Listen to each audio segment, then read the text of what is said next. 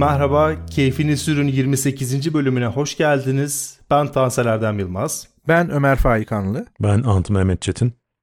Türkiye'de ve Avrupa'da ya da Amerika'da otomobil kullanmış olan herkesin çok benzer tespitleri var. Üçümüzün arasında da geçen hatta her muhabbette geçen konulardan biri. En net olanı yaya ayağını yola attığında herkes Avrupa'da Amerika'da durur. Hatta bununla ilgili testler de yapılır. Yaya dakikalarca durur yolun ortasında. Otomobil hareket etmez. Korna çalan olmaz. Hatalı şerit değiştirilmez vesaire vesaire. Burada temel iki vurgu var. Birincisi hoşgörü. Bu insanlar çok hoşgörülü vurgusu yapılır. İkincisi de orada kuralları o kuralları ölçen biri yokken yani etrafta polis ya da kamera yokken de riayet etmesinden bahsedilir hatta övülür. Ama ben ikisinin de insanların varlığıyla ya da insanların o ülkede olmasıyla ilgili olmadığını hep düşünürüm. Yani oradaki kültürden ziyade biraz sistemler tarafından çizilen çizgilerle sağlandığını düşünüyorum. Buradaki insan daha hoşgörülü ya da oradaki insan daha hoşgörüsüz ya da tam tersi değil. Kurallara saygı da aynı şekilde benzer şekilde kodlanıyor. Doğuştan gelen özellikler değil. Bu ülkelerdeki regülasyonları çok katı bir şekilde kuruluyor ve bu sistemler ve hukuka güven orada herkesin o antlaşma içerisinde olduğuna güven ve kültürün kendisi bunu sağlıyor. Bu kültür de çok genişti. Bin yıllık Avrupa kültürü falan değil. Şimdi bunlar kurallarla bağlantılı olanlar ama öncelikle bunu not etmek gerekiyordu. Çünkü burada bahsedeceğimiz, bu bölümde bahsedeceğimiz işte hoşgörü ve takdir alan davranışlar ya da içten içe tadımızı kaçıran davranışların hepsi esasen şu anki sistem hangi ülkede olursa olsun mesela Kolombiya'dan da bahsedebiliriz bir benzerini ya da daha doğuya daha batıya gittiğimizde de örneklerinden bahsedebiliriz. Hepsi belli sistemlerin dışında kalındığı için ortaya çıkabilecek davranışlar. Bize has olduklarını çok da düşünmemekle beraber bazıları başımıza geldiği için başlayacağız onlarla ilgileneceğiz. Bence önce sevmediklerimizle başlayalım. Sonra güzel şeyleri konuşarak diğer konularımıza geçeriz. Evet işte bu, bu bölümün konusunu daha önce belirlerken işte ana başlığımız veya kod adı trafikte can sıkan ve takdir toplayan hareketlerdi. İşte buna karar verdiğimizde benim aklıma organize işlerdeki Üzeyir karakteri Erdal Tosun'un rahmetli canlandırdığı hani onun çok ünlü bir orada ünlü olmuş bir şeyi vardı. Bir ara çok konuştum hiç faydasını görmedim bıraktım diyordu. Niye abi hiç konuşmuyorsun dediğinde. Şimdi Türkiye özelinde tabii ki trafikte böyle özellikle can sıkan konularda her mecrada ister sistem etmek için ister efendim işte bizde böyle falan yani nasıl açıklarsak açıklayalım aslında bir faydası olmayıp çok da konuşmaktan hoşlanmadığım bir konu. Ama Erdem'in girişi güzel çünkü hep örnek şeydir ya işte Almanya'da, Batı'da, Amerika'da, hadi Amerika'da hele bir hız sınırını geç bak ne oluyor ki hepsi doğrudur. Ama işte burada belki insan doğasıyla ilgili. Yani burada çok temel bir şiar veya ilke vardır. Yapabilen yapar. Yani yapılabiliyorsa, buna izin veriliyorsa ve bir şey olmuyorsa kısa yolları her zaman kullanırız. Kısa devreleri ve hileleri. Benim bu konudaki en böyle rahatsız olduğum şey hatta bir ara öyle bir tweet atmıştım. Ters yönü böyle çok rahat kullanan hani 40 yılda bir çok mecbur kaldım veya levhayı görmedim veya buranın yabancısıyım değil de ya işim görülsün ya şuradan geçeyim bir yol ver ne olacak ki dendiği zaman tweette şöyleydi hani sorduğunuza baktığınızda şöyle görünür o sürücü veya o davranışta bulunan kişi. Pratik adam adamdır veya kadındır hiç fark etmez. Yani işi görülsün hemen pratik bir çözüm bulur. Bu ters yöne girmek dahil. Çünkü neden dolaşsın yani başka bir yerden. Şurada hemencik bir yol ver işimiz görülsün yani. E sen desen ki beyefendi hanımefendi burası ama tek yön. Bakın bir kural var ve hani bu kural sadece bir trafik düzenlemesi değil. Gördüğünüz gibi dar bir yoldan geçiyoruz ve bu dar bir yol olduğu için büyük bir ihtimalle kural koyucu bir yön tercihi yaparak burayı tek yön olarak bağlamış. Ya şuraya bir yanaşı ver ne olacak ki? Yani hatta ben bununla şöyle karşılaşmıştım. Tam böyle bir yola dönüş yaptım. Yani daha yeni döndüm ana yoldan o ara yola ve o ara yol benim gittiğim yönde bir tek yön. Karşıma bir araç geldi birdenbire. Bir de böyle selektör yakarak yani dur dur dur girme geliyorum çıkmak üzereyim der gibi. Ama ben girmiş bulundum. Yani siz geri alacaksınız hani ben şuradan geçeceğim ondan sonra ne yapıyorsan yap. Ya ucuna kadar gelmişim bir yol ver dedi mesela. Şimdi burada biz trafiğin, yolların veya da işte trafik dediğimiz şeyin çok oyunculu paydaşılan bir alan veya da çok oyunculu bir saha olduğunu hep unuttuğumuz için yani sürekli olarak bazen biz de yapıyoruzdur. Hani hep haklı biziz hani şey demeler falan veya şunu yapı vereyim demeler. Çünkü geçen günde Twitter'da şöyle bir şey gördüm. Hani hepimizin rastladığı bir şey. Bunu ayrıca konuşabiliriz. Belki can sıkanlar arasında da gelecektir. Net bir günde hiç gereği yokken ön arka sis farlarının cayır cayır yanması. Şimdi birisi şunu söylemiş. Ya şunu yakmayın arkadaşım hani. Yani çok da böyle naif ve esprili bir tweet. Yani bir tane fotoğraf paylaşmış, plakayı da kapatmış. Yani bir ifşa falan değil. Yani şey diyor yani bunun amacı ne olabilir? Çünkü hani e, otomobil böyle havalı hani sis farlarıyla veya o aydınlatmalarla havalı görünen bir araç da değil. Yani cayır cayır ön arka yakmış. Burada zaten hani yakınmaları görebiliriz, şeyi göre. Ama bir tane tweet çok ilginçti. Sana ne kardeşim? Yazılan şey bu. yani çünkü hani şey düşünmüyor. O benim gözümü alıyor, dikkatimi dağıtıyor. Asıl bana hani ne değil bana bu bir şey. Yani benim bir şey söylemem lazım tüm kurallardan öte. Sana ne? İsteyen istediğini yakar gibi bir şey var. Aslında işte bu baştan bağlayacağım ama şimdi madde madde eminim ki hepimiz döktüğümüz zaman güzel anekdotlar veya da bir sonuç çıkacaktır ama yani insan doğasına bağlıyorum. Yapılabildiği, yapılabilen her şey eninde sonunda yapılır. Dolayısıyla sis farı yakmaktan tutun ters yöne girmeye, makas atmaya yani artık ne varsa eğer o kural veya da o düzen bir şekilde ihlal edilebiliyorsa bencilce veya da yanlış kararlara dayalı olarak ve hiçbir şey olmuyorsa e o zaman yapılabilir. Birileri yapar. Birileri yaptıkça da başkaları da yapmaya başlar. Şu klasik şey vardır ya e yapıyor bir şey olmuyor. Yani ben niye beş sokak arkadan diğer taraftan dolaşıp her anlamda hem benzin harcayıp hem zaman harcayıp bir yere gideyim. Çünkü buradan tek yön diyor ama vızır vızır her araç giriyor. Bir de ilginç bir şekilde karşıdan araçlar da yol veriyor. Yani doğru yoldan gelen araçlar da yol veriyor. E o zaman artık burası fiilen tek yön değil çift yönlü bir yol. E o zaman ben enayi miyim öbürünü yapayım durumu var. Ee, ama tabii biraz sonra şeyi de konuşuruz. Hani sol şeritte yavaş yavaş gidiyorum. Hani bu yavaşlığı da göreli yavaşlık elbette. Hani limitler dahilinde veya üstünde altında fark etmez. Ben de burada yavaş gidiyorum. Kime ne dendiği zaman da tuhaf işler olur. O yüzden trafik içinde olmasan eğlenceli. Demin başka bir konuda mutfaktan bilgi vereyim. Hani e, mevzuyu paylaşmayalım tarihsel anlamda ama hani vatandaşı olmasan çok eğlenceli bir ülke olabilen bir ülkede yaşıyoruz Türkiye açısından. Yani dışarıdan bakan biri sırf gündemimizi takip etse hiç boş kalmaz. Şimdi trafik de içinde olmasak ki bu mümkün değil. Yani araç kullanmayı, otomobil kullanmayı geçin her şekilde bir trafiğin parçası. Yaya olarak, bisikletli, motorlu veya da yolcu olarak. Ama trafiğin içinde olmasan şöyle hani bizim Türkiye'de şey vardır ya koş sevim izleme noktası. Hani oradan böyle bir trafiği izliyor olsan hakikaten bütün gün televizyon izlemekten daha keyifli olabilir. Çünkü çok vukuatlı ve çok atraksiyonlu bir trafiğimiz var. Ama hemen şunu da ekleyeyim. Almanya'da ben birkaç şehirde bulundum. Kısa veya uzun. Almanya'da da evet kurallar çok baskın. Genel bir düzen var. Ama bazı şehirlerin düzeniyle mesela Hamburg gibi büyük kentlerdeki trafik düzeni aynı değil. Yani o kadar da değil. Ama kurallar çok net olduğu ve müeyyideleri olduğu için tabii ki böyle hani çok büyük şeyler yok. Ama ben Hamburg'da karşıdan karşıya geçerken yaya geçidinden adım attığım zaman durmuyorlardı yani onu da söyleyip. Hani o kadar da kendimize şey yapmayalım, yüklenmeyelim. Almanya deyince e, aklıma ablam geldi. Ablam benim Almanya'da yaşıyor. Ben de bir sene, bir buçuk sene kadar orada kaldım. E, Almanya çok enteresan bir ülke. Yani bu kurallar orada tabii çok daha iyi işliyor ama bu esasında oradaki kuralların dayatılması ve cezaların çok işte dikkatli bir şekilde, titiz bir şekilde gönderiliyor olması, kanunların uygulanıyor olmasından ziyade esasında en başta Erdem'in söylediği gibi milletler arasındaki fark herhalde. Çünkü Almanya'daki insanların trafikteki kurallara nasıl uyuyorlarsa aslında esasında o adamlar, o insanlar daha doğrusu bütün kurallara genel olarak çok aşırı şekilde uyuyorlar. Yani hiç kimse görmese bakmasa bile adam kurallara uyuyor. Hiçbir zaman esnetme gibi bir şey aklından geçmiyor. Bizde o var, fazlasıyla var. Ama burada milletlerin eğitim yani bu o kadar aslında derin bir konu ki yani anaokulda itibaren başlayan bir şey esasında. Evde senin aldığın eğitimden tut sonra okullarda aldığın eğitime kadar e, o sonra büyüdüğün 18 yaşında işte ehliyetini aldıktan sonra sen ne öğrendiysen o otomatik olarak e, trafiğe yansıyor ve dışarıda diğer sürücülere yansıyor. Türkiye bazında ben şunu düşünüyorum. Şimdi aynı aslında Ömer'in söylediği gibi bazı yerler var ki sen o ters şeride, o tek yönden, o sokağa tersten girmezsen eğer gerçekten 5 sokak aşağıya inip oradan e, yoluna ulaşman, evine ulaşabiliyorsun. Çünkü trafik kuralları öyle yani başka bir şey yok. Şimdi bu tür durumlarda niyet çok önemli. Yani sen kuralları o ya da bu şekilde o ya da bu sebepten dolayı tamam çiğniyorsun ama o sıradaki niyetin ne?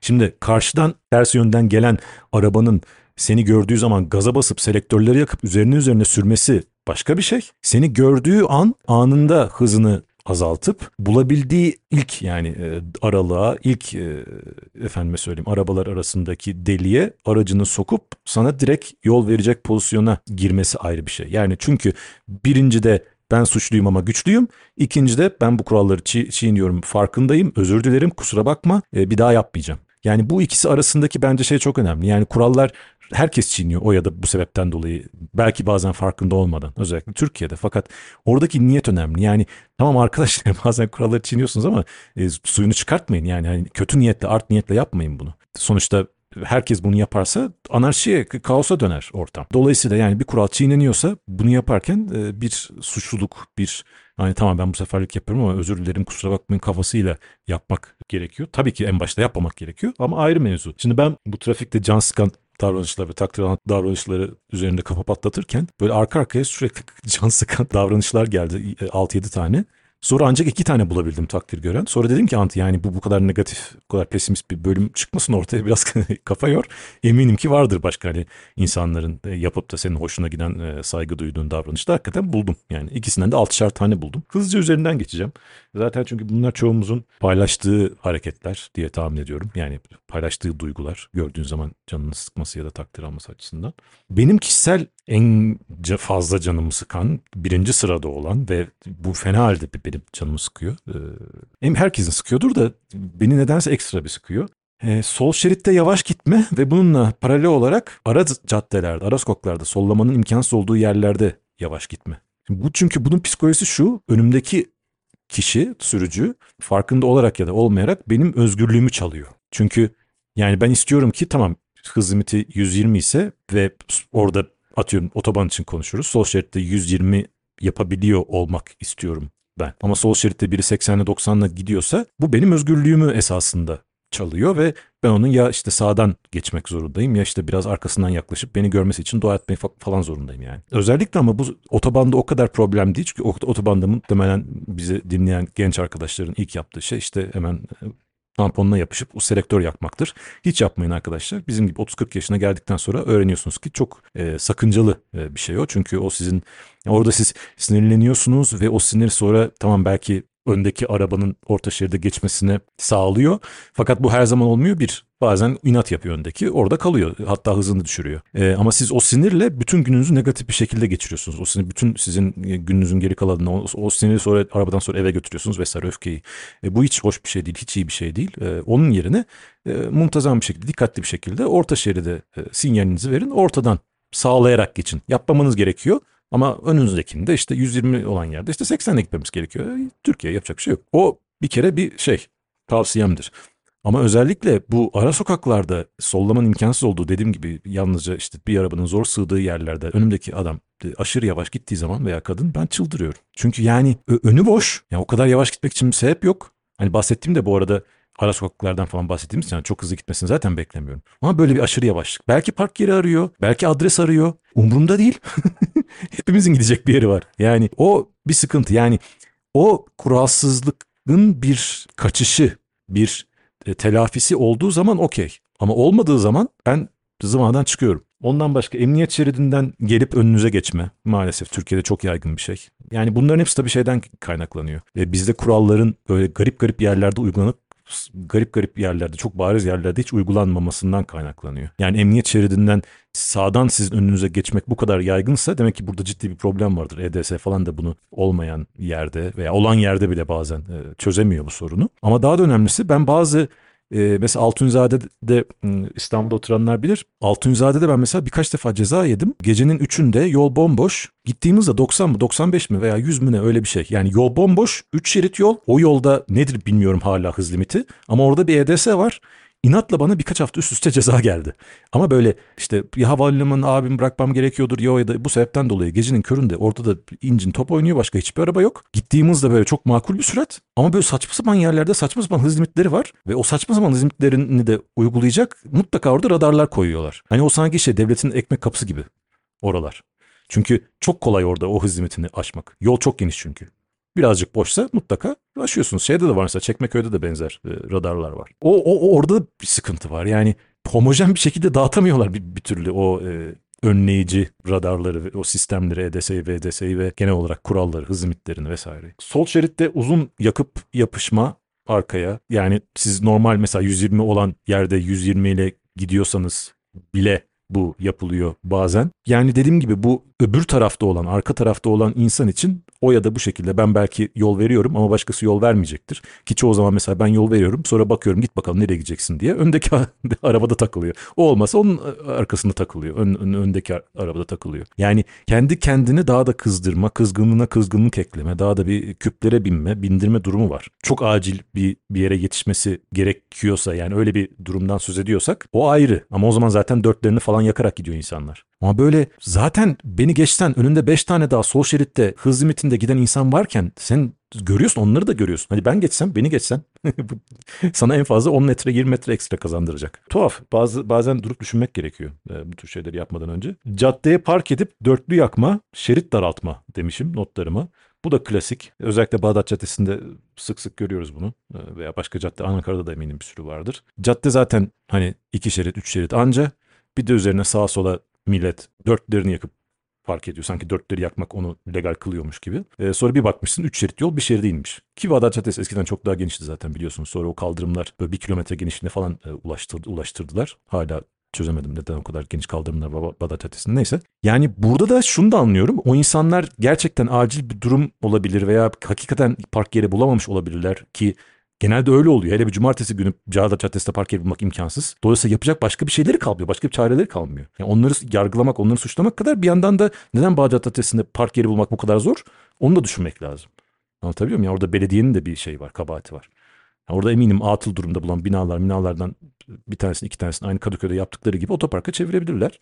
Ama genelde caddede eğer bir e, dükkana falan gitmek istiyorsanız çok uzaklara park etmeniz gerekiyor. Onu da yapabilirsiniz, yani bulabilirsiniz. Son olarak uzun farla gezme unutmuş olma uzun farı. Bu Amerika'da çok yaygın. Türkiye'de pek yok ama Amerika'da çok yaygın. Yaşlılar oluyor genelde veya işte kadınlar olabiliyor. Uzun farın ne olduğunu veya hangi butona basarak e, çalıştığını bilmeyen falan. Bir sürü şey görüyoruz. Türkiye'de de var yani bazen uzun otobanlarda görüyorsun. Arkadan böyle bir de onlar genelde 90'ların arabaları oluyor neden bilmiyorum. 90'ların Japon otomobilleri özellikle bu konuda çok popüler. Adam uzun farla geziyor. Hani ona işaret etme, ikaz etme, uyarmanın da nasıl bir yolu var? Yok. Çünkü camı açıp bağıramazsın.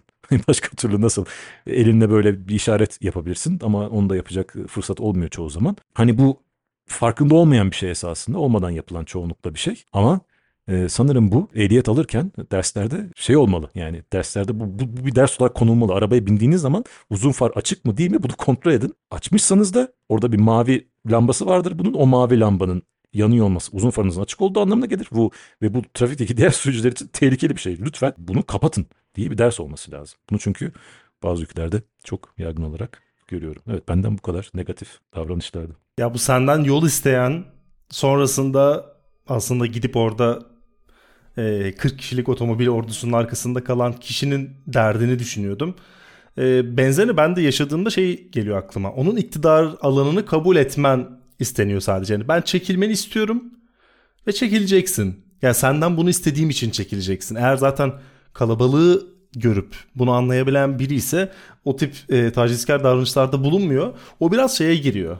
E, kim daha güçlü yani o o alanda kim daha güçlü olmalı tartışmasına giriyor gibi geliyor ve e, genelde de komik sonuçlanıyor. Çünkü o kadar e, manasız bir şekilde kovalamaca yapanlar böyle bir 100 metre sonra önünde geçmiş buluyorsun kendini. Çünkü o, o orada kalmak istiyor. Or, oranın peşinde kaldığı için de geride kalıyor, ilerleyemiyor. E, Caddeye Park'ı dinlerken de e, bir benzerini Berlin'de şöyle deneyimlemiştim. Ben otobüsteydim. Şöyle bir e, yazılı ya da yazılı olmayan tam bilmiyorum kural var. Ana arter değilse bir işte çok geniş bir bulvar falan değilse bir şerit gidiş bir şerit dönüş bir yerde olsa bir 15 dakika kadar istediğin yerde bekleyebiliyorsun. Yani otobüsün önünde bir araç var. Karşı taraf çok e, yoğun akıyor. Araç e, indi araçtan e, aracın sürücüsü. Bayağı otobüsün önünde park etti. Gitti dörtlerini yakıp. Otobüs sürücüsü de şey demedi. Ha, buraya park edilir mi demedi. Ha okey ya tamam falan deyip dakikalarca karşıdaki otomobilleri bekledi. Şimdi bunun deme sebebim şu değil. Ya kardeşim niye beklemiyorsun? Antiya Bağdat Caddesi'nde bekleyeceksin. Bizde bu aciliyetten ziyade bir huya dönüşmesi ve sen onu gördüğünde şey demiyorsun. Ya acil bir işi var herhalde demiyorsun. İlk aklımıza gelen genelde şey oluyor. Dörtlüyü yakmış şimdi gidiyor çayını kahvesini içiyor. Çünkü yüzde 51'inden fazlası bunu yaptığı için o aciliyetin aciliyet olarak kullanılmasından ziyade ya Kızılay'da şey var mesela Ankara'da bir tane Renault Clio var. Çok meşhur bir Clio. Bütün sayfalarda var. Kaputunu açıyor.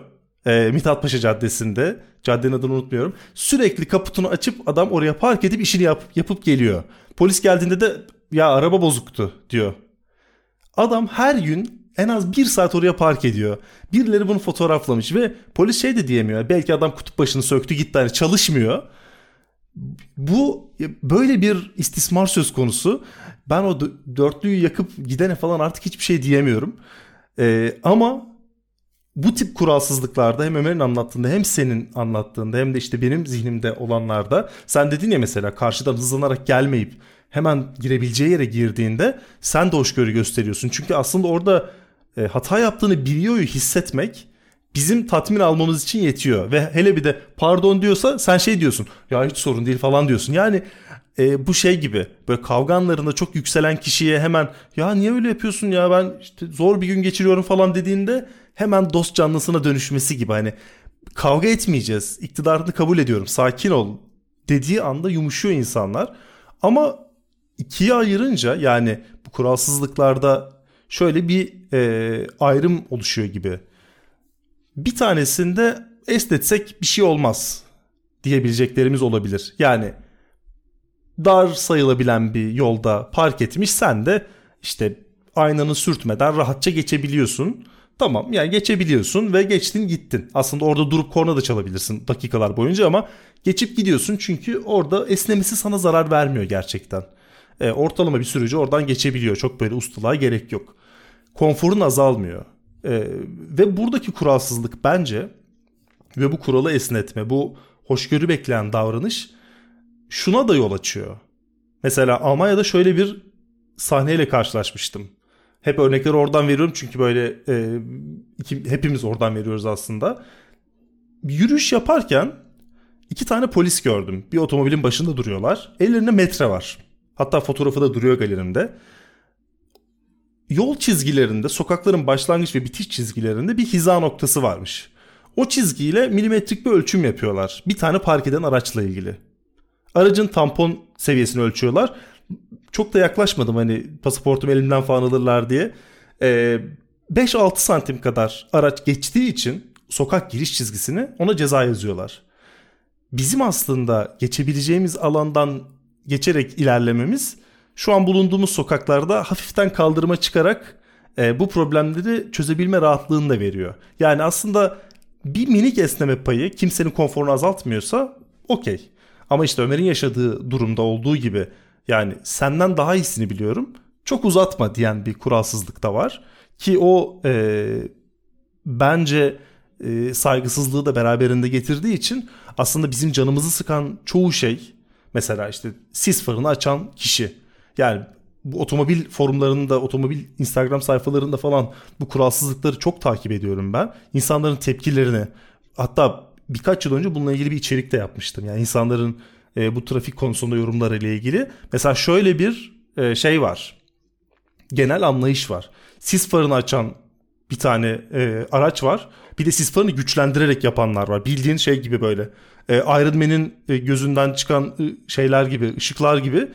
Adam şey demiş ya bunu niye açık tutuyorsunuz demiş. Trafikte kalmışlar. Adam şey diyor mesela. Geç git diyor mesela. Durmak zorunda değilsin arkamda diyor. En yaygın tepkilerden biri bu. Sana ne? İkincisi de geç git beğenmiyorsan durma. Ya da şey var. E, F1 stop diyorlar sanırım. Böyle 8-10 kere yanıp sönen e, fren yaptığında e, stop farları.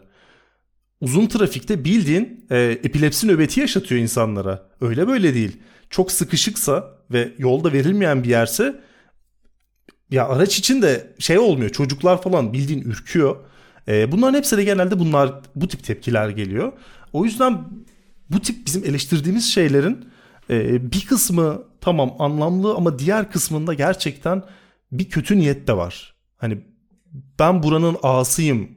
Bu trafikte e, beğenmeyen çeksin gitsin ya da tartışalım noktasında insanların bir kötü niyetli bu davranışlara yaklaşmasını da görünce ben e, biraz şeyden soğumuştum insanlarla ya dostum sis farını kapatır mısın falan diye dostça sohbet edebileceğim bir insan olmadığını düşündüm mesela. Ya o şeyden alayım ben de onu e, gülerek takip ediyorum rahatsızlığı geçtim. o F1 e, tarzı özellikle Broadway'lere falan da yapıyorlar. Ki Broadway'i çok severim bu arada. Hani sakın yanlış anlaşılmasın. Hor görme değil. Ama e, şimdi Formula 1'i bilenler zaten biliyor ama hani e, YouTube'da işte kokpitten direkt o oradan görüntüler var. Yani orada izlesinler dinleyicilerimiz hiç hani onu görmedilerse ilgileri yoksa. Yani 200 kilometre viraja girdiğin ve görüşün saniyelerle sınırlı olduğu yani refleks vermeniz gereken bir şey de çok işlevseldir. Çünkü oradaki bir standart şu an trafikte bizim e, araçlarımıza kullandığımız tarz frene bastığı zaman bir kırmızı ışığı göz seçemeyebilir. Oradaki bir işlevi var. Ama bizim trafikte ben onu ilk aklına gelen ustayı çünkü hiçbir modelde bu fabrikasyon değildir. Sonradan sanayide yaptırılır. Kimin aklına geldi? Bak havalı durur falan gibi herhalde bir şey vardı. Hani o benim de dikkat ettiğim bir detaydır veya gülerek takip ettiğim bir detaydır. Ee, uzun far konusunda aynen tabii ki katılıyorum ama benim mesela son zamanlarda e, böyle şikayetim diyeyim veya da rahatsızlığı mesela motosikletlerde. Hani kuryelerde şeylerde ben niye bilmiyorum motosiklet kullanmadım. O teknolojiye hakim değilim ama sürekli bir en azından Ankara için konuşuyorum. Uzun farlar yanıyor. Yani geceden bahsediyorum. Bütün motorların ya uzun farı var o yanıyor. Yani otomobiller gibi ya da özel olarak bunlar sanayide bir şekilde şeyi arttırılıyor. Hani e, gücü arttırılıyor ve amacı yok çünkü e, dağıtım yaptığı veya girdiği sokaklar gayet aydınlık sokaklar ki bunun bir mutlaka bir düğmesi de vardır. Şimdi selektöre yol açma konusunda da tabii benim bir anekdotum var. Ee, bir yerden Ankara'ya dönüyorum uzun yol yani şehirler arası yolda. Ankara'ya yaklaştıkça böyle bir şeyden dolayı bir trafik oldu. Yani 3 şeritli 4 şeritli yol artık yavaş yavaş böyle tıkanıp yavaş yavaş ilerleme noktasındaydı. Ee, ben de oraya gelirken sol şeritteydim ve her yer tıkandı. Hala sol şeritteyim.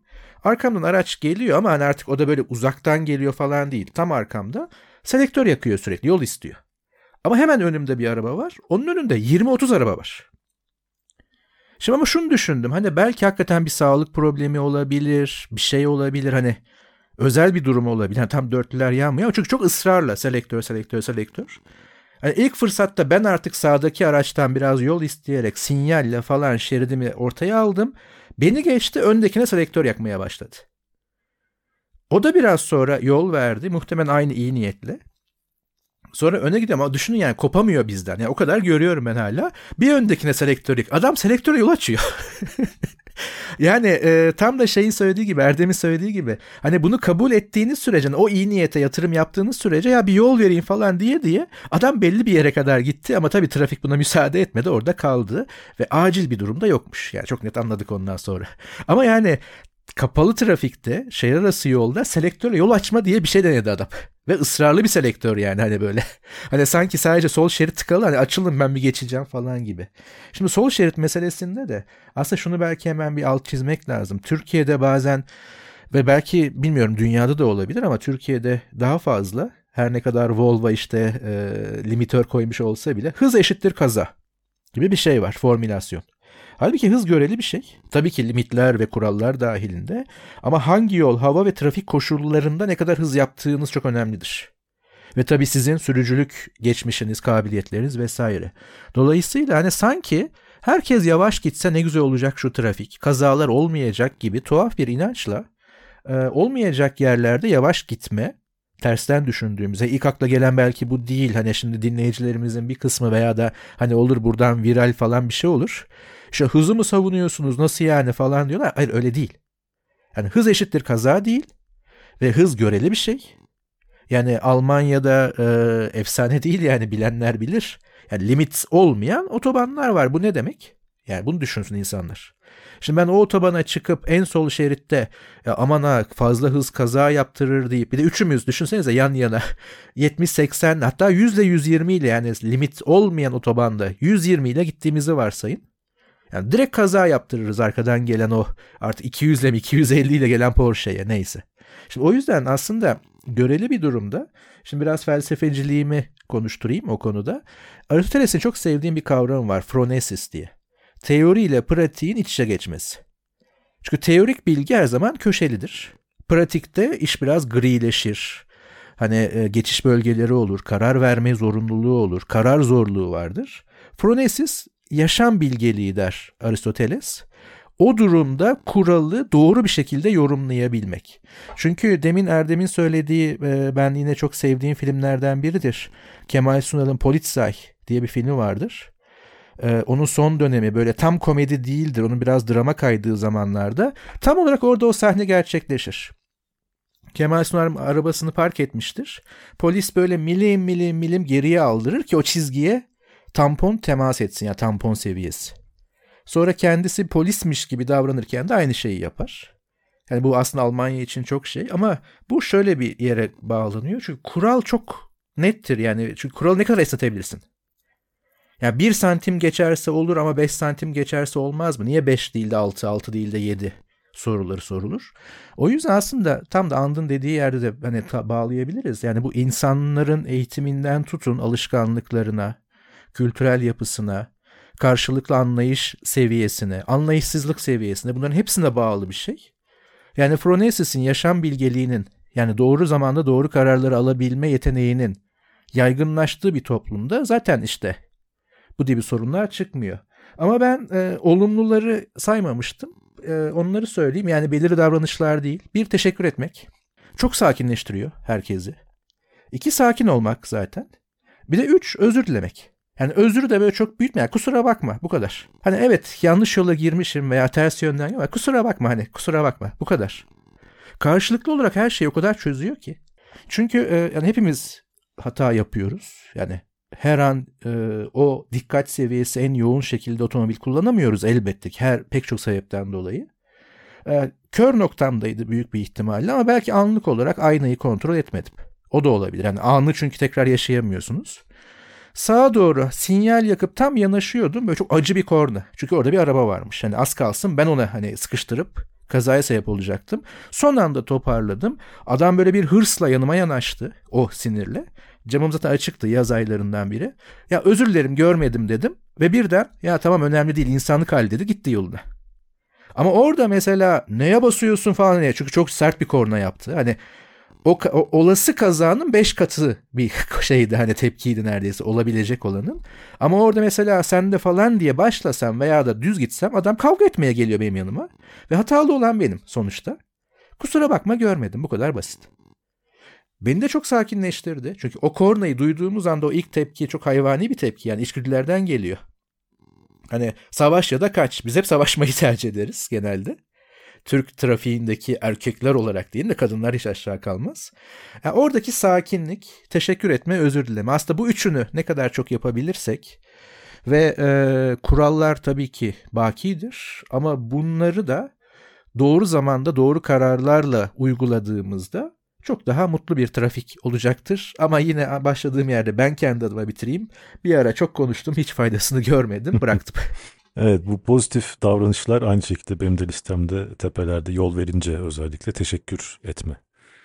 Ee, yani yol vermek zaten genel olarak çok güzel bir şey. Herkese tavsiye ederim. Hem sizin için hem karşı taraf için. Bir anda böyle dünyayı e, çiçekler, böcekler, gökkuşağı falan çok daha pozitif bir gezegene çeviren e, çok güzel bir şey yani. Yol verin arkadaşlar. Karşınızdaki insan yol verdiği zaman da teşekkür edin.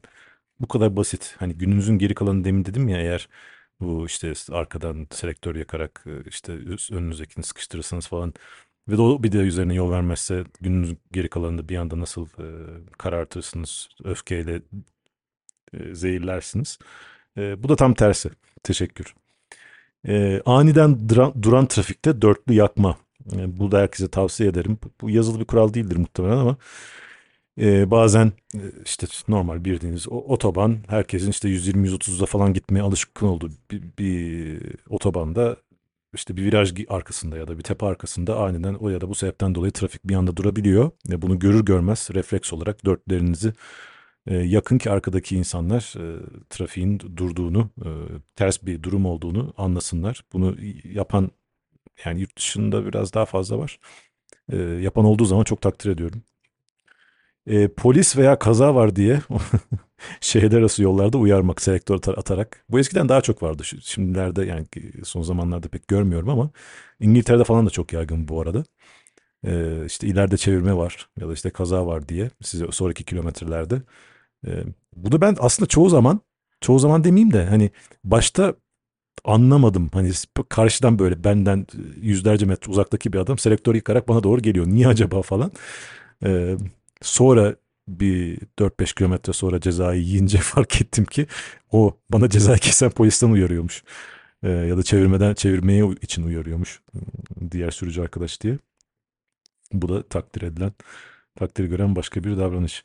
Ee, yol verme e, bu sadece otobanda değil yani otobanda ben mesela mümkün mertebe selektör kimseyi atmamaya çalışırım. Ee, özellikle e, yani bu arada çok pardon arkada kocaman bir gürültü oldu. Bir şey düştü ama herhalde bir şey, bir şey kırdı. Ee, kedim. Neyse. Ee, kaldığımız yerden devam edelim. Yani selektör yakmam ama beni çok doğru bir zamanda görüp anında sinyalini verip anında orta şeride biri geçtiği zaman önümdeki sürücü geçtiği zaman o benim çok hoşuma gidiyor. Çünkü yani benim e, hız limiti dahilinde sol şeritten belli bir süratle geliyor olmamda bir sakınca yok. Daha selektörümü yakmamışım. E, o da esasında aşağı yukarı hız limitinde git, gidiyor ama biraz daha düşük hızda gidiyor. Beni çok hani bir yandan da demek ki dikiz aynasını kontrol ediyor. Beni görüyor. Hemen sinyalini vererek kenara çekiliyor. Ben de o sırada hiç frene basmama gerek kalmadan soldan yoluma devam ediyorum. Nadiren oluyor bu ama olduğu zaman çok hoşuma gidiyor.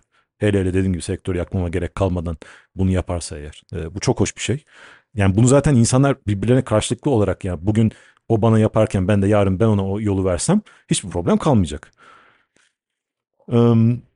Bu eğer e, spor bir arabanız varsa veya böyle özel efendime söyleyeyim nadir bir arabanız varsa e, trafikte bu arabayı görüp e, thumbs up dediğimiz baş parmağını kaldırarak hani onay işareti bravo güzel hoş ho, güzel araba sıkı makina işareti yapan e, sürücüler oluyor. Bu, bu da çok hoşuma gidiyor tabii ki. E, yani insanlar e, tabii kültüre göre ülkeye göre de değişiyor bu. Bazen ya işte kim bilir ne yaparak bu parayı kazandı da bu arabayı aldı diye de yaklaşmak var. Aa ne güzel araba ben bu arabayı daha önce hiç yolda görmemiştim. E, bravo çok çok hoş. E, çok doğru bir seçim yapmışsın falan diye de baş parmak kaldırmak var. Ee, bunu Türkiye'de de gördüm. Ne mutlu bana. M5'te birkaç defa gördüm. Yurt dışında F-Type'da birkaç defa karşılaştım. Bu çok güzel bir şey yani.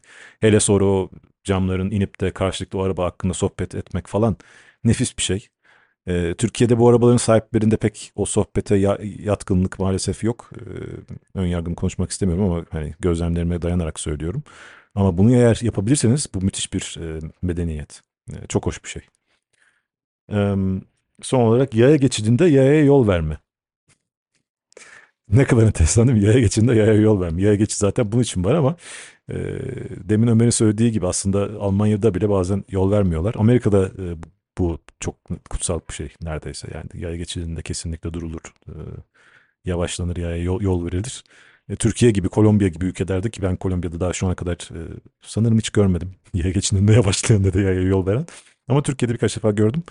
E, burada tabii arkanıza dikkat etmeniz, kontrol etmeniz gerekiyor. Çünkü mesela çoğumuz ya, ya geçidinde yavaşlamıyoruz ya da bazen yol vermiyoruz. Bunun sebebi belli bir hızımız var. Gidip de eğer o yolu vermeye kalkarsak arkadaki güm diye bize çarpacak diye korkuyoruz. Öyle de bir durum var ama eğer arkanızda bir problem yoksa efendime söyleyeyim çok da hızlı bir şekilde gitmiyorsanız e, bir kaza riski de yoksa tabii ki arkadaşlar yaya yol vermek yaya geçinde bir kuraldır. İki hem yayayı hem sizi mutlu eder. Gününüzün daha gerisini daha güzel geçmesini sağlar. Evet yani empati. Burada kilit kelime empati. Empati yapmak lazım. Ee, bugün siz başkasına bir güzellik yaparsanız, kibarlık yaparsanız yarın da yarın olmasa öbür gün eninde sonunda onun karşılığını başka birinden görürsünüz.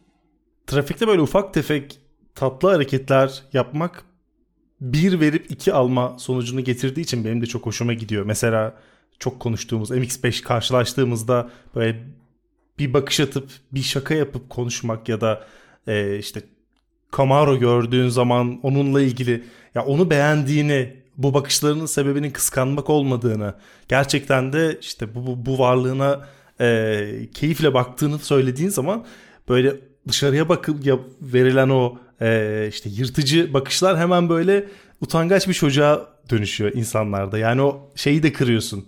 E, nasıl diyeyim? Onun kendi içindeki bazı buzları da kırmış oluyorsun. Ve bir anda böyle hoşgörülü bir ortama girmiş oluyor. Bu yaya geçidi bu arada diğer konumuza geçmeden önce hızlıca onu söyleyeyim. Çoğu zaman e, yaya geçidinde yol vermek yayanın hayatını tehlikeye atmak anlamına geliyor. bazı trafik e, şartlarında. Çünkü çift şeritli yol oluyor çoğu zaman e, ve çift şerit olmasa bile siz durduğunuz zaman hemen arkanızdaki yanınızdan daha hızlı geçmeye çalışıyor ve yaya geçmeye çalışırken aslında onun hayatını tehlikeye atıyorsunuz. Bazı durumlarda vermemek yayalara daha saygılı olmak anlamına geliyor. Ankara'da en azından böyle. Ee, hani yol almasını falan öğreniyorsunuz ama yol verme konusunda ben bayağı bir ama geçerken yine özür özür diliyorum yayadan hani çok özür dilerim eşeklik ediyorum ama içimden de gelmiyor demek. Ee, daha uzun uzadıya gider bu liste ama bugünün ikinci bir konusu daha var. O konuda e, şu an otomobillerin iç mekanına hakim olan iki ayrı e, sistem. E, bunları artık ne diyeceğimizi birazdan tartışacağız. Çünkü çok farklı yerlere gidiyorlar. Apple CarPlay ve Android Auto. E, benim favorim Apple CarPlay ama sanıyorum ki bu zaten favoriden ziyade deneyim açısından bir e, telefonunuzu ya da bulun sahip olduğunuz cihazın tüm deney, tüm e, kullanım alışkanlıklarını otomobilinize yansıtmayla ilgili. Ama bir kolaylık sağlamasının yanında e, biraz da bu markaların e, özellikle Apple'ın burada yarattığı iktidarla, burada yarattığı nasıl diyeyim, e, yarattığı baskıyla da biraz e, etki yaratıyor. Çünkü And'ın bahsettiği bazı gelişmeler vardı. Bu tip şeylerin işte navigasyonla kadrana yansıtılması. Kadrana bir şeyi yansıtıyorsan aslında oradaki uyumu sağlamak için her şeyi o uygulamanın kontrol etmesi vesaire vesaire. Şu soruyla ben topu atacağım. Bundan böyle 5 yıl önce falan Apple otomobil çıkaracak. Ya da 10 yıl önce öyle bir şey vardı. Böyle Apple otomobil çıkaracak. O otomobili geliyor. Apple'ın iCar falan böyle saçma sapan isimlerle bir şeyler çıktı. Apple aslında otomobil çıkarıp tek bir markayı hakim olmak yerine şu an tüm markaların hakim oldu. Zaten Apple'ın içine koyacağı şey kendi yazılımıydı. iPhone'un yönlendirmesiydi. Ama şu an Apple CarPlay'in olmadığı otomobiller e, şey değil, kıymetli değil. En düşük segmentte bile CarPlay fonksiyonu ekletebiliyorsunuz ve eklettiğiniz ek, ekletmediğinizde mutsuz hissediyorsunuz. Çünkü onun sağladığı şey, onun e, verdiği kolaylık müthiş bir etki yaratıyor. E, hatta işte arac, aracını alan çoğu insan eski otomobillere bile şey yapıyor. Apple CarPlay özellikle e, işte ekranlı teypler vesaire taktırıyor. Yani eski otomobillere bile bu 80 model bir otomobilde bile Apple'ın artık iktidarından bahsediyoruz. E, çok ilginç bir yere gidiyor. Hatta sizin tezleriniz orada daha da ilginç yerlere gideceği yönündeydi. Bayağı ilginç şeyler çıkar gibi geliyor buradan. Şimdi otomobiller dijitalleşmeye başladığı zaman yani orta konsola özellikle bir ekran konduğu andan itibaren aslında bir yazılım problemi veya bir yazılım ihtiyacı doğdu.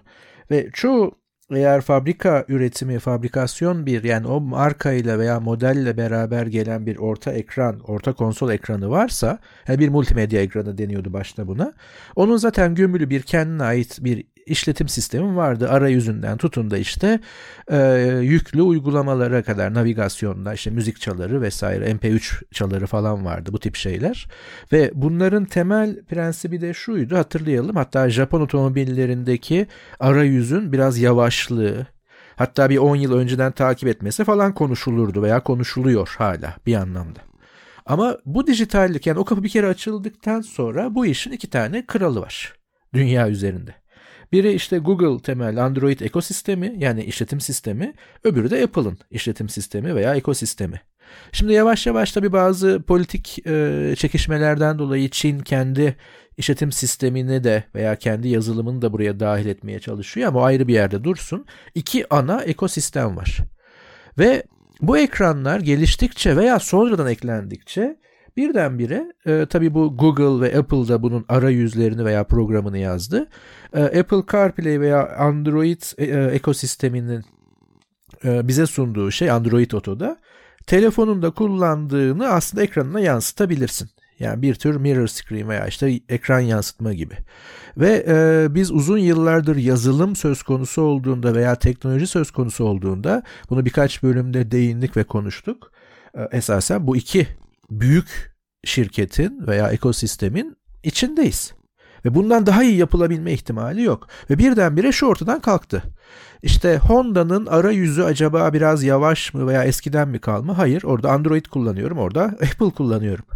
Yani telefonumu alışık olduğum iyi çalışan sistemi oraya yansıtıyorum. Ya da işte şu markanın navigasyonunu nasıl güncelleyeceğim? Çünkü navigasyon konusunda pek çok firma çalışıyor. İşte onun güncellemeleri var vesairesi var. Yok Google Maps'ten hatta işte e, bunun Apple'daki muadilinden ki Google Maps daha iyi bence. Daha güncel ve sana trafik verisini de anında veren başka bir sistem var mı? Yani artık e, otomobillerin bu ekranlarından bizimle paylaştığı uygulama ve yazılımın o otomobil firmasına aitliği veya otomobil firmasıyla ilgisi bizi ilgilendirmiyor. Çünkü biz direkt kendi alışık olduğumuz ve tercih ettiğimiz bu iki sistemden birini oraya yansıtıyoruz ve kullanıyoruz. Şimdi burada aslında şu var. Sadece o orta konsolda kalmadı veya kalmayacak. İşte bir adım sonra Andın e, paylaştığı haber birazdan detaylarını da bizimle tekrar paylaşacak bu program özelinde. Ee, kokpite veya kokpitteki bilgi paylaşımına ve hatta oradaki ekrana da artık müdahale edebildiği andaki ediyor edecek. E, oraya uygulamalar gelecek. Yani ben tüm kadranı Apple tarzı yapabileceğim. Yani bizim hep dediğimiz şey vardı ya Apple veya Google bu işe girerse ve otomobil firmaları gitgide markaları teknoloji firmalarına dönüşüyorsa rekabet birbirleriyle rekabet edebilirler ama rekabet edemeyecekleri iki büyük firma var. Google ve Apple. Şimdi bunlar yazılım üzerinden Android Auto veya CarPlay ile artık yavaş yavaş otomobillerin içine girdiler. Ve bir adım ötesi aslında şunu söylemiştim burada tekrar edeyim kayda geçmiş olsun. Siz Çinliler veya Çin menşeili şirketler otomobillerin hardware'ını üretin. Özellikle Google için konuşuyorum. Çünkü Apple her zaman hardware'ı da kendi üretmek ister. O yüzden bir beklenti var. Apple araba yapacak mı, otomobil yapacak mı diye. Ama o da şu anda e, Google gibi davranıyor. Siz Çinli şirketler otomobili üretin hardware olarak donanım olarak. İşte ekranlarını yapın, motorunu yapın, bataryasını yapın. İşte oraya doğru gittiği için. Ben onun yazılımını zaten her şekilde yükleyeceğim. Yani sizinle anlaşmam olsun olmasın. Zaten bu ikisi insanların tüketicinin tercih ettiği iki tane kullanılacak arayüz şimdilik. Bir adım sonra iki tane yazılım zaten. Ee, böylece aslında yazılım şirketi ve yazılım problemiyle yazılımcı olmaya doğru oynayan bütün şirketler Apple ve Google'a aslında hardware, donanım üretiyor duruma düşecekler gibi görünüyor. Yani evet bu Apple ve Google'ın otomotiv sektörüne e, girişi, entegrasyonu e, çaktırmadan gerçekleşiyor. Yani çoğu insan belki Apple CarPlay ve işte Android Auto'yu sadece işte, ha, olsa güzel olur. Aa ne güzel işte telefonumu yansıtabilirim falan. Hoş bir özellik. E, hani yalnızca telefonunuzdaki işte aplikasyonları vesaireyi o te, arabanın orta ekranında görmeye sağlayan ekstra bir hani hoş bir donanım gibi görüyor olabilirler, zannediyor olabilirler. Esasında çok daha fazlası var. Aynı Ömer'in de söylediği gibi. Yani burada önümüzdeki seneden itibaren e, dediği gibi kadranlardaki gördüğünüz o dijital ekranın görüntüsünü de artık Apple CarPlay yönetebilecek. Oraya da yansıtabileceksiniz. İşte Apple yani telefonunuzda ne istiyorsanız artık navigasyon belki navigasyonu açtığınız zaman e, kadranlarda göreceksiniz onu ama Apple'ın karar verdiği şekilde göreceksiniz. E, yani bunlar bir kere şöyle bir şey. Bunlar bağımlılık yapıyor. Eğer Apple CarPlay özellikle kullanan e, insanlar bilirler. Android Auto'yu ben şahsen çok fazla kullanma fırsatım olmadı ama bunlar e, işit, yani yazılımsal olarak herhangi bir arabanın Tesla hariç tutabiliriz.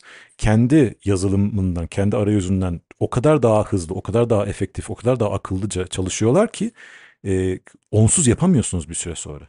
Yani Apple CarPlay kullanan bir insanın ilk yaptığı iş telefonunu direkt yansıtmak ve onun üzerinden o, o ana menü üzerinden işte ne kullanıyorsa navigasyonundan tut da Spotify'ına, müziğine kadar oradan işini görüyor oluyor. Çünkü onu çıkarttığınız zaman böyle bir anda sanki 10 sene öncesine geriye gitmiş gibi oluyorsunuz. Geçtiğimiz bölümlerde bahsettiğimiz gibi yani teknolojik olarak çünkü çok geride otomobil firmaları.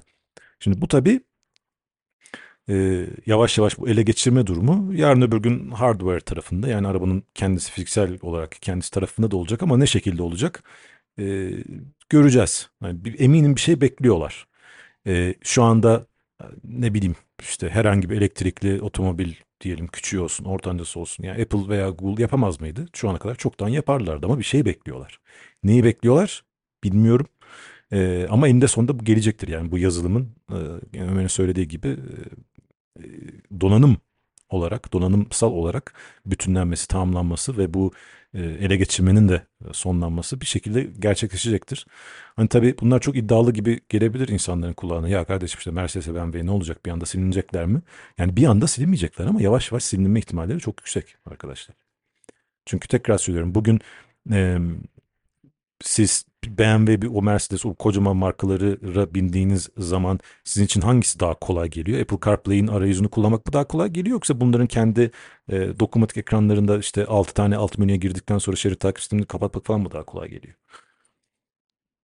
E, burada bence yani otomotiv dominasyonunun bu bunlar bu iki sistem ilk adımı şu çok önemli. Şimdi Tesla neden bir unicorn? Unicorn dediğimiz nedir? Böyle çok büyük milyar dolarlık şirketlerden bir tanesi yani. Neden bunları biz Apple ve Google'la beraber anlıyoruz Tesla'yı da değil Mercedes'le BMW ile falan beraber anmıyoruz? Neden bu kadar pahalı bir değerli bir şirket? Çünkü şimdi bugün baktığınız zaman Tesla'nın e, içerisinde herhangi bir Tesla'da Apple CarPlay ya da Google Auto var mı? Google Android Auto var mı? Yok. Yok. Öyle bir seçenek sunmuyorlar. Neden?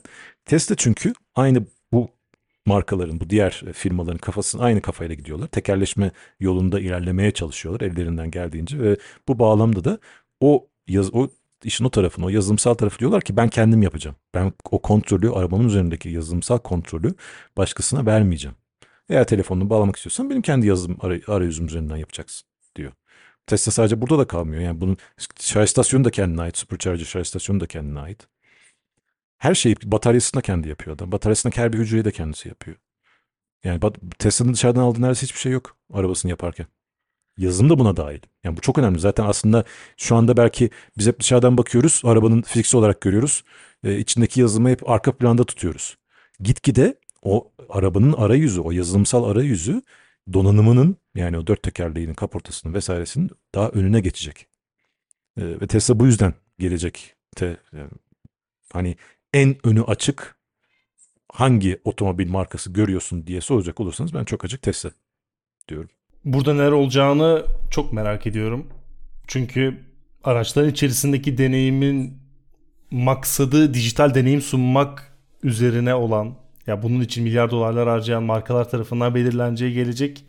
Ee, sanıyorum ki işte Dacia'ya bindiğimizde de BMW'ye bindiğimizde de işte Renault'a bindiğimizde de bizi bir ortalamanın üzerinde kullanım alışkanlığı karşılamasını bekleyecek gibi geliyor. Bir yandan da işte farklı araçları bindiğimizde garipsemek de azalacak. Aslında iyiye mi gidecek bu? Çünkü bu kolaylık sağlandıktan sonra araçlar kendi içerisinde o e, yarattıkları yeni teknolojileri ve o yeni kullanıcı deneyimlerini belki de ikinci plan atacaklar. Bilmiyorum. Hep beraber yaşayarak göreceğiz. Neredeyse bir saatlik bir bölüm oldu. Bu sanıyorum ki bizim en uzun bölümümüz oldu. Ee, aslında bir, bir saat daha sürebilecek kadar materyalimiz vardı. Onları böyle bir kenara e, astık daha sonrasında ya da kendi aramızda konuşmak için. Önümüzdeki hafta yine otomobil kültürüyle ilgili konuşacağımız çok şey var. Önümüzdeki hafta yeni bölümde görüşmek üzere.